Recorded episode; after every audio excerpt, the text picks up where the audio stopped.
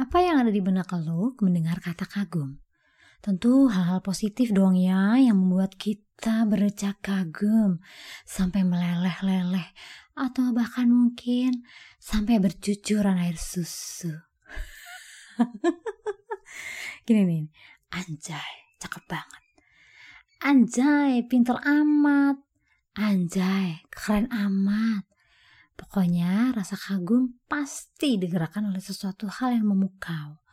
Dari kagum sampai ekspresi rasanya seperti mau meninggal. Ih ngeri ya kalau beneran meninggal gimana tuh? Kagum sama orang sampai meninggal. Ketabrak kereta kali ya. Aduh minta minta bayi ini gue bukan nanti SDM pada teriak lagi gue sangkaan kan gue mengelok-ngelok mereka yang ketabrak kereta enggak enggak begitu maksud gue ya jangan sensitif gitu ya kali ini gue mau celamitin soal top top most admired persons. Tahun 2020 yang lagi trending. Jangan kabur dulu karena gue punya bocoran versi gue. Pentil gak pentil lo dengerin aja. Gue Sunyana Guna buat podcast celamitan episode 17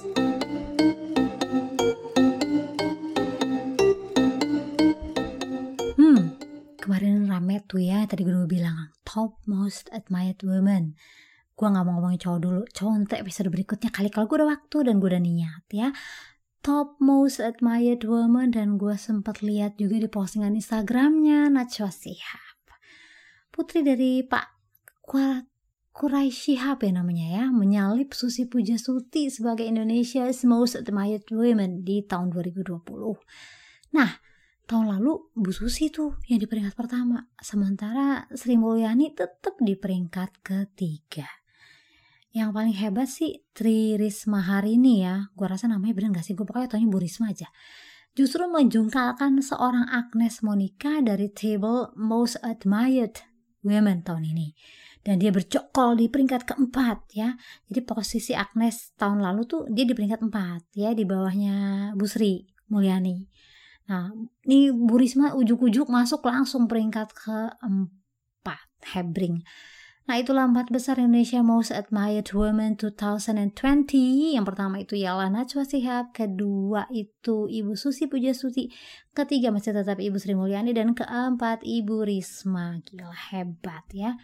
Nah, sisanya di table itu ada nama-nama besar dunia yang yang ya oke okay lah maksudnya jadi masuk di top admired women Indonesia ya 2020 yaitu Taylor Swift, Angelina Jolie, Oprah Winfrey, Emma Watson, Michelle Obama dan Queen Elizabeth. Okay, first I'm gonna have my say about some of the names on the list. Yang pertama, Najwa Shihab dan ini cucok gue setuju di nomor satu karena gue sama sekali nggak keberatan dengan cewek ini ya dan yang gue bilang lagi pantes pantes menyerang posisi pertama sejak dia masih di Metro TV jadi jurnalis yang kadang-kadang sering turun ke jalanan masa turun tugas di jalan tuh ya sampai akhirnya punya program unggulan mata najwa. Uh, gue memang sih ngeliat dia ada sesuatu yang distinktif atau yang beda dari si Najwa. Panggilan Nana ya. Lucu ya Najwa dipanggil Nana.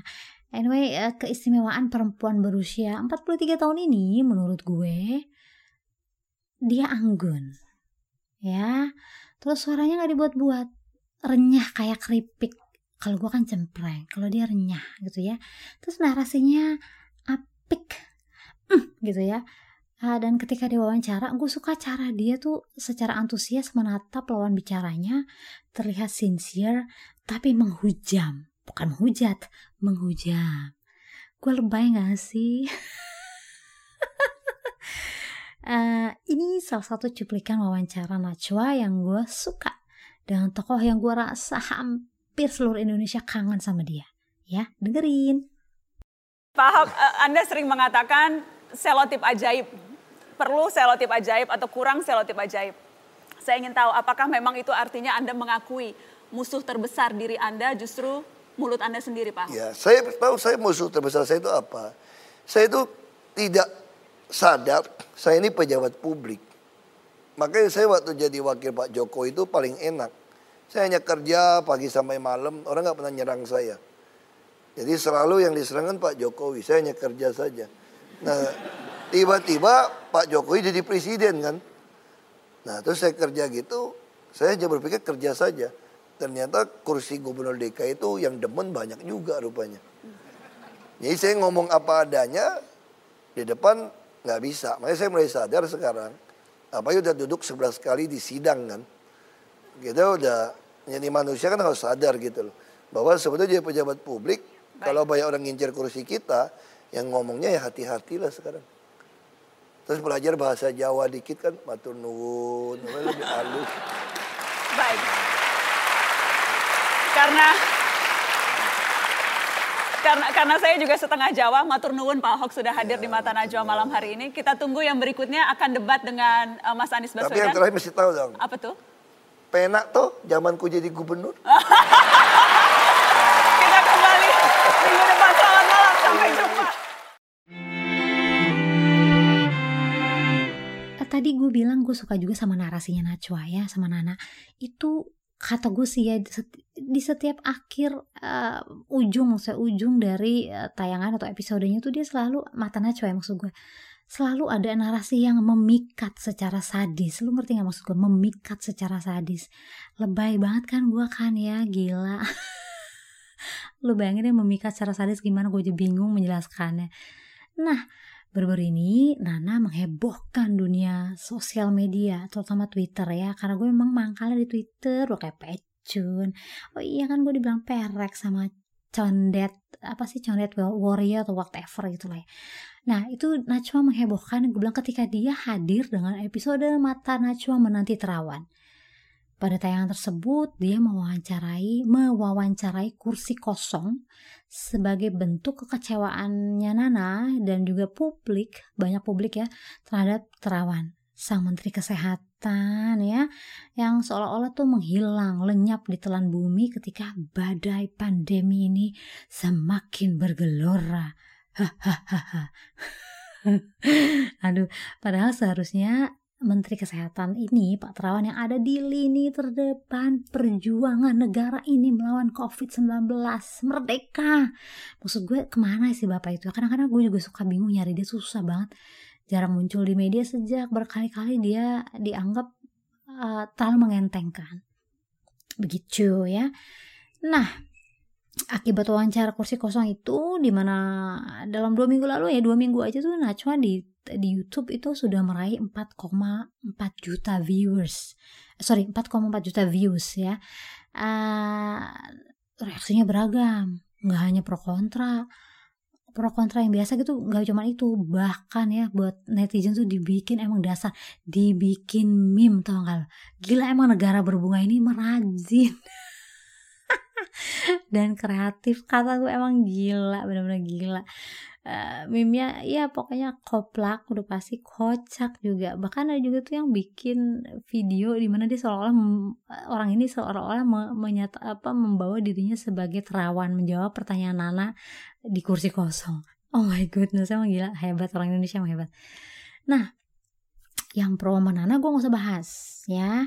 Tapi yang kontra aja biasanya dari kubu terawan atau Jokowi. Seperti itu ya. Uh, salah satu reaksi kontra yang paling absurd menurut gue ya yang paling absurd itu dari ribuan yang absurd atau ya kalau gue bilang banyak banget yang absurd. Gue ngomong ribuan juga mungkin lebay tapi yang banyak sih kata gue banyak banget. Pasti gue mau ngomong gini loh maksud dari reaksi yang uh, absurd itu ada satu nih yang kata gue emang rada dong dong dong dong gitu ya adalah tuduhan Najwa telah melakukan cyberbullying terhadap Terawan Gila gak sih? Coba deh Ngana pikir, masa saya berbullying? Goblok bener gak sih? Serius bodoknya tuh orang ya. Ini emang Nacho melakukan apa tuh secara berulang-ulang penindasan dan pengancaman kepada patrawan secara cyber. Lah kan enggak. Gila gak lo? Pengen gue selepet pakai kolor deh tuh orang yang ngasal-ngasalin banget nuduhnya si Najwa saya berbullying. Gila, mau nih main yang jauhan ya. Nih ya, selalu tahu monolog seperti itu pernah dan udah biasa. Di, dilakukan Najwa itu mirip sama yang dilakukan sama Clint Eastwood tahun di 2012 ketika dia melakukan imaginary conversation dengan Obama pada konvensi Partai Republik saat itu tahun 2012. Ya, here is the clip for you. Take a listen. When Mr. Obama won the election. And uh, though I wasn't a big supporter, I was watching that night. I just uh, thought, this is great. I mean, everybody's crying. Oprah was crying. And uh, I was even crying. I haven't cried that hard since I found out that uh, there's 23 million unemployed people in this country. This administration hasn't done enough to cure that. Uh, so I've got, um, I've got Mr. Obama sitting here, and he's. I, I, just was going to ask him a couple questions. So, Mr. President, how do you uh, how do you handle uh, how do you handle promises that you made?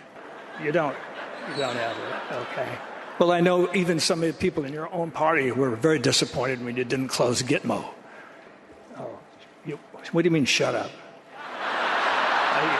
I, know you were against uh, the war in Iraq, and uh, that's okay. Uh, but you thought the war in Afghanistan was was uh, okay. You mentioned something about having a target date for bringing everybody home, and you give that target uh, date, and uh, and I think Mr. Romney asked the only sensible question, and he says, "Why are you giving the date out now? Why don't you just bring them home tomorrow morning?" The what? What do you want me to tell Romney? I can't tell him to do that. I can't do that to himself. You're, you're. See, I never thought that it was a good idea for attorneys to be president anyway, because it. I think attorneys are so busy, you know, they're always taught to argue everything and always weigh everything and weigh both sides. And I think it's maybe time, what do you think, for maybe a uh, businessman? How about that? Something uh, that I think is very important is that you, we, we own this country. And it's not you owning it and not politicians owning it. Politicians are employees of ours. Whether you're Democrat or whether you're a Republican or whether you're libertarian or whatever, you're the best. And we should not ever forget that. And we, when somebody does not do the job, we've got to let them go. You ought to make my day. Huh? Oh.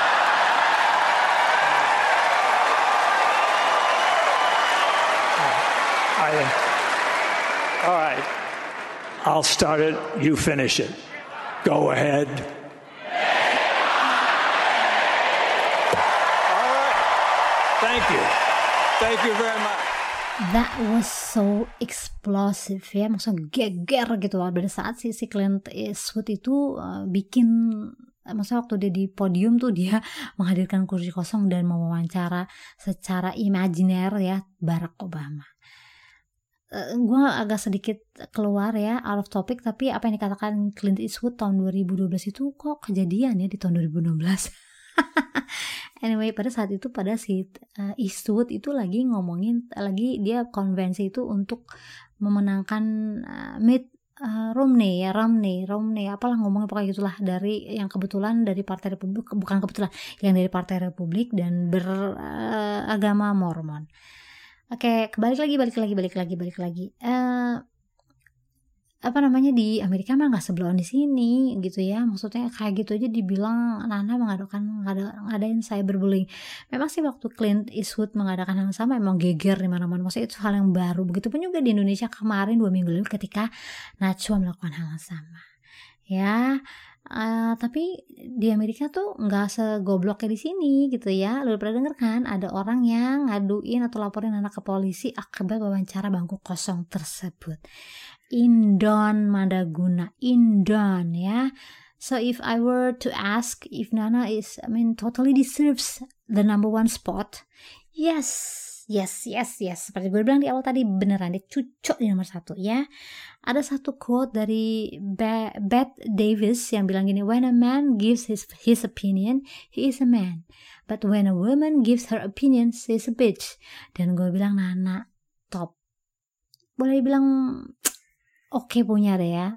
Hubungannya sama Beth Davis punya quote, lo pikirin aja. Karena you know, kalau perempuan itu bitching around atau bitching about something pasti cowok-cowok pada ke-trigger. Langsung tiba-tiba meltdown snow, snowflakes. Tai kucing kan pokoknya Nana nomor satu. Ya yeah, and then now let's take a look at the num the other names on the list ya. Oke okay, nomor yang nama yang lain itu ialah Ibu Susi di nomor dua. Kalau gue sih gimana ya gue nggak begitu serak sama nomor dua ini. Gue lebih merasa sih Sri Mulyani yang paling cocok ya.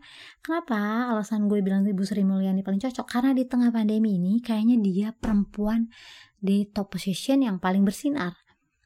Dia harus putar otak soal anggaran di tengah ekonomi economic slowdown yang di yang dunia ini hadapi. Uh, Bu Sri Mulyani sih memang jarang nge-tweet ya kayak Susi ya kan Susi sekarang memang gak jadi menteri lagi jadi punya banyak waktu untuk uh, nge-tweet lah untuk kongko-kongko mungkin. Sementara Bu Sri Mulyani repotnya minta ampun. Aduh apalagi tambahin pandemi ya. Jadi kalau ngomong oh, terus kalau itu pendapat gue tadi kenapa gue pikir harusnya Bu Sri Mulyani yang di nomor 2 Nah kalau tapi itu kan terserah Indonesia ya. Ini kan versi gue pribadi beda sama versi dunia sama versi Indonesia maksud gue kalau ngomong prestasi Bu Sri Mulyani nggak usah ditanya lagi ya. Kalau ngomong resumenya apa lagi itu sih? Berapa hari lalu Desa dapat penghargaan dapat penghargaan ya. Hmm, Menteri Keuangan terbaik Asia Timur dan Pasifik. Gokil nggak tuh ya? Nah jadi kalau ngomongin Sri Mulyani gue masih inget testimoni dari temen gue ya betapa dia tuh marah besar sampai gebrak meja soal Bank Senturi. Pada sebuah rapat kabinet ya rapat kabinet zaman SBY kalau nggak salah Sri Mulyani itu dipanggil dia sama DPR di apa namanya ya suruh hearing gitu hearing ya. Dan emang yang habis itu sih si, si Ibu Sri ya memutusin uh, udah jojo aja dari politik ya udah males gitu udah dan berkarir di Bank Dunia So it was like uh, the best decision gitu ya pada saat itu menurut gue daripada jadi talenan atau tahanan dalam kurung tahanan ya terpenjara dengan urusan bank senturi. Gue kadang-kadang bingung nih Bu Sri Mulyani itu makannya apa ya kok bisa pintar banget kan nggak mungkin dimakan babi kayak gue ya. Uh, untuk Bu Sri Mulyani nih ya kenapa dia nomor 2 dan sorry nomor 3 tapi gue rasa dia harusnya nomor nomor 2 ada satu quote dari seorang seorang bernama Nadia yang pernah bilang gini, the sexiest parts of my body first is my brain, second is my spine, and then third is my guts. Hebat ya, Bo. Cocok gak Mas Sri Mulyani? Kayaknya oke okay deh ya dan yang gak, penting yang gak kalah pentil sih menurut gue desa itu bisa menyenyong nyanyi bawa sempurna dah pokoknya sempurna Ibu Sri harusnya di nomor dua receh banget ya gue. Begitu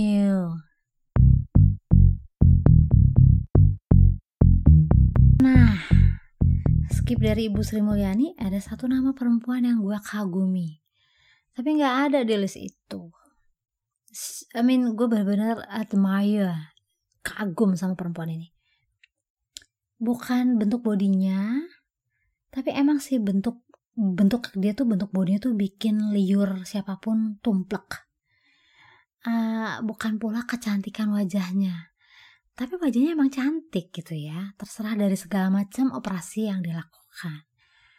Bukan juga karena kekayaannya yang melimpah ruah. Seperti teteknya yang membuat gue pilu. Karena saya ngeliat teteknya dia tuh gue langsung minder nggak pengen tetek gue sendiri. Yang cuma 32 A minus ini ya ngeri dan jadi bukan karena alasan itu. Even though dia punya semuanya itu. Lu pasti bisa nebak lah. Ya betul. Nikita Mirzani. Gue beneran gue beneran kagum sama perempuan ini. Dan beralasan gitu lah. Ini ada beberapa hal yang bikin gue kagum dan gue bilang terpukau pukau pukau sama sosok perempuan ini. Ya. Yang pertama hal pertama itu nyali nyalinya itu mana her guts is the most admirable substance yang gue pernah lihat dari perempuan ya. Perempuan ini maksudnya. Kalau bisa dibilang Tuhan tuh punya produk banyak jenis ya tapi sedikit yang langka yang spesial nah dia termasuk yang spesial yang golongan yang langka itu. Dia nggak takut penjara. Dia nggak takut bercerai. Nih ya penuturannya seperti uh, waktu itu di Instagram habis dia bercerai dia bilang dengan suami yang ketiga dia bilang saya buk quote ya, saya bukan perempuan yang bisa laki-laki injak dengan mudah. Ini pilihan hidup saya. Tolong hargai itu, tolong hargai itu saja, walaupun anak saya berbeda, berbeda-beda ayahnya, unquote.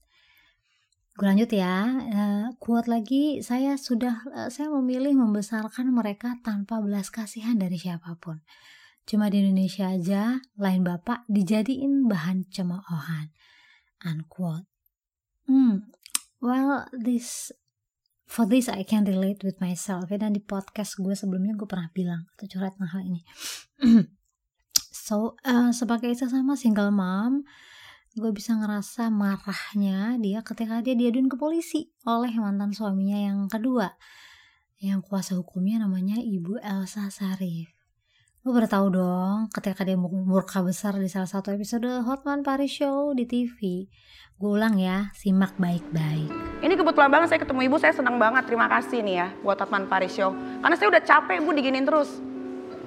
Oke, jadi Sebetulnya nih tinggal dipertemukan. Kalau saya nggak mau ibu mau apa? Ya Sabar, bukan Niki. saya. Hah? sa- Kenapa saya ibu ngomong begitu di media? Niki, Loh itu bukan urusannya saya, saya. Kalau bukan urusan ibu, ibu jangan berbohong dong di depan orang. Loh tidak ada. Ibu bilang katanya saja tukra sama saya cuma dikasih unjuk satu kali anak. Udah, udah. Selama saya di penjara, ya satu bulan setengah dia tidur sama anak saya. Loh itu bukan urusan saya. Jangan ngomong begitu dong.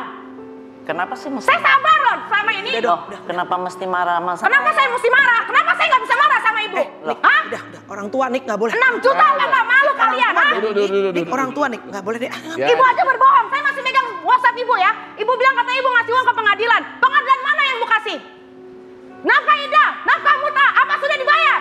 Itu bukan saya yang minta, pengadilan yang minta. Nik, udah duduk, Yes. duduk, duduk. Ibu aja nggak bisa suruh klien ibu untuk nyelesain semuanya dari pengadilan agama. Ya apa urusannya saya? Hah? Ada urusan. dia cuma sebagai kuasa. Tapi mulutnya dijaga juga dong. Jangan seolah-olah saya ini yang gimanain sama si Jet. Dua tahun dia ngilang ibu. Udah enggak. Dua tahun, ke mana dia? Saya hamil, saya disuruh gugurin kandungan. Ke mana dia? Bapak saya meninggal di bidang acting. Dah, Nik yuk. Duduk, Di mana ibu? Ibu perempuan. Yuk, dah, Nik yuk. yuk. Apa ibu punya hati nurani? Niki sayang. Diam! Ya Niki, Niki, Niki, Diam! Niki, orang tua Nik, udah. Saya tahu ibu orang tua, tapi ibu juga jangan begitu sama saya. Kita sama-sama perempuan ibu. Di mana hati nurani ibu? Udah, udah, udah, udah. Orang udah. ini orang udah keterlaluan ya. Sabar Nik, sabar Nik, sabar. Udah, udah nggak boleh. Nggak bisa, Kak. Udah, udah, udah. Ya sabar. Kamu Gila, seorang ibu dijadiin tersangka loh. Udah, sabar, sabar, sabar yang. Dia Sabar. tinggal Nik. pertemukan Sabar. anaknya aja nggak. Nik, susah amat. Sayang, sabar. Apaan? Kalau saya nggak mau mau apa? Susah Ya amat. udah, nggak ibu, apa-apa. pat- ibu, ibu, Sajat Ukra bayar berapa sama ibu? 6 juta aja baru dibayar 2019. Saya pegang semua datanya. Berarti terima uangnya kan? 6 juta, ibu malu nggak sebagai lawyer? Saya nggak nggak tahu. Hah? Malu nggak ibu sebagai lawyer? 6 juta. Kenapa Anak saya satu bulan 12 juta di sekolah bayaran. Urusanmu. Urusan. Ya udah kalau gitu stop dong. Kenapa stop? Saya kan kuasa hukum. Oh, nggak bisa malu. saya. Ya, cuma sebagai kuasa hukum. Ah, ya. Atas kuasa hukum, eh, kuasa hukum itu disumpah untuk membela orang yang benar. Buka kacamata. Nah, kacamata ya. Buka kacamata kamu. Oke. Ya, Gak usah follow-follow gue ya, lu, lu juga lu ya. dia mungkin stres Apa? sekali. Lu semua. Karena udah jadi tersangka dia stres. Nah, gue balik lagi. Niki, Niki sayang. Eh, Apa? Udah, pegang, pegang di belas. Ah, Yang. gue jadi tersangka Niki, juga, gue tersangka Niki terhormat emosi. bu. Udah, udah. Hah? Lu Udah. pikir apa? Gue narkoba, gue maling. Niki emosi. Yang. Gue tersangka sebagai seorang ibu yang ngurus anak gue sendiri. Ya udah nggak usah stres. Siapa yang stres? Ngapain lu ganggu gue melulu? Lu siapa yang ganggu? Siapa yang ganggu? Sakit ya? Sakit ya? Tiga tahun Dia stres, gue gak bisa ya? diambil bu, kasihan bu. Gak bisa. Udah, Udah, udah, udah, udah. Duduk. Namanya ibu kan di desain sama anaknya. Udah, Tiga udah, udah. tahun lu ya? Udah, udah, udah. Udah, ya, udah, udah, udah. Kenapa lawyer yang pertama bisa kabur? Udah, Mau tahu nggak? Mau saya kenalin nggak orangnya? Dia dimaki Jack? Saya kira kita stop dulu. Aku Ya, stop dulu. Stop. Sakit kan hati aku loh. Namanya anak. Sakit loh. Cuma dua kata buat klip tadi. Luar biasa. Itu itu hal pertama dari dia lah. Dia yang tadi gue bilang yang pertama dari dia adalah nyali. Ya, yang gue kagumi dari dia. Hal kedua yang gue kagumi ialah dia orang yang apa adanya. Ngeliat dia itu seperti apa orang yang sangat transparan. Gue gak tahu dia licik apa enggak, tapi kalau dari gue lihat tuh dia bener seaya begitu. Gak ada yang ditutupin. Kayaknya ini memang prinsip hidupnya dia dan gue kagum banget gitu sama dia. Aduh gue receh gak sih kaguman kita sama dia? Bahasa bodoh gue gak peduli pendapat lo.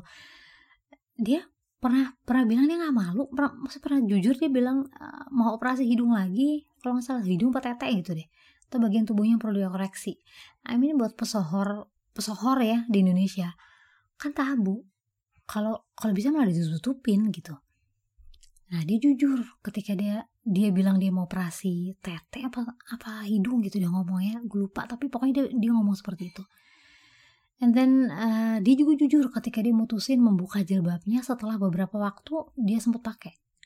Dia jujur ngaku bahwa dia nggak kuat iman. Salut ya, gila salut. Nah ketika dia nggak suka dengan sesuatu tuh dia langsung ngomong nggak pernah di apa namanya nggak pernah ditahan-tahan. Kata gue gila emang. Gue kan berapa kali dia tuh clash dengan sesama selebriti sampai sampai dia bilang dia tuh harus ribut terus biar makin kaya. Yang gue bilang nih orang gila. Bercandanya rada-rada gila. Itu yang kedua dari seorang Nikita Mirzani. Yang gue kagumi tentunya. Dan yang ketiga dia nggak peduli dengan apa kata orang atau standar etiket yang berlaku pada umumnya. Sehingga buat sebagian orang dia bisa dianggap figur yang antagonis. But she just doesn't give a fuck. Lu denger ya di klip tadi ketika si Melanie Ricardo tuh berapa kali ngajak dia buat kamu udah nih kita udah nih kita kasihan tuh ibu Elsa orang tua kasihan itu orang tua kasihan tua. Dia ngomong gitu tapi ini kita nggak bisa diam dia tetap aja teriak-teriak tetap aja histeris gitu dan dia tetap aja pokoknya nggak peduli dia lawan terus So, I mean, gue sebagai ibu gitu ya, I, if I were in the same position, I could have done the same. Gue bakal histeris juga seperti sini kita gitu, karena ini soal anak yang gue pertahankan. Gitu, jadi bahwa perempuan harus bersikap selayaknya perempuan baik dan manis, those days are over my dear. Ya, keren ya, ini kita tuh keren kata gue. Begitu. So to conclude uh, this episode, uh, I'm gonna spell something about uh, quote sebetulnya quote dari Eleanor uh, Roosevelt yang dia bilang gini seperti gini. Do what you feel in your heart to be right for you'll be criticized anyway. You'll be damned if you do and damned if you don't. Kata dia begitu ya. Najwa Shihab melakukan itu Sri Mulyani melakukan itu Nikita Mirzani juga melakukan itu. Kamu kapan jadi ingat ya gue suka tuh sama tadi quote Nadia. Bahwa lu tuh harus punya uh, apa namanya uh, apa tadi dia bilang the sexiest parts of my brain ya of my body sorry. The sexiest parts of my body satu my brain. Ya my brain my spine and my guts. Ya lu harus punya otak punya prinsip dan punya nyali. Itu penting. Kayak buat cewek sih buat cowok juga ya. Jadi benar-benar jadi seseorang yang seksi. Gue makin lantur tapi anyway itu aja dari gue berbagi. Mungkin gue akan membicarakan yang versi cowoknya. Uh, oh iya sorry. Tadi lu nunggu yang versi gue top top top top uh, most admired woman versi gue siapa? Nggak ada. Gue cuma mau komen bahwa ada satu yang ketinggalan. Ini kita Mirzani. Kecele. Oke gue pamit dulu ya. Gue Sunyana Guna untuk episode ke-17 bye now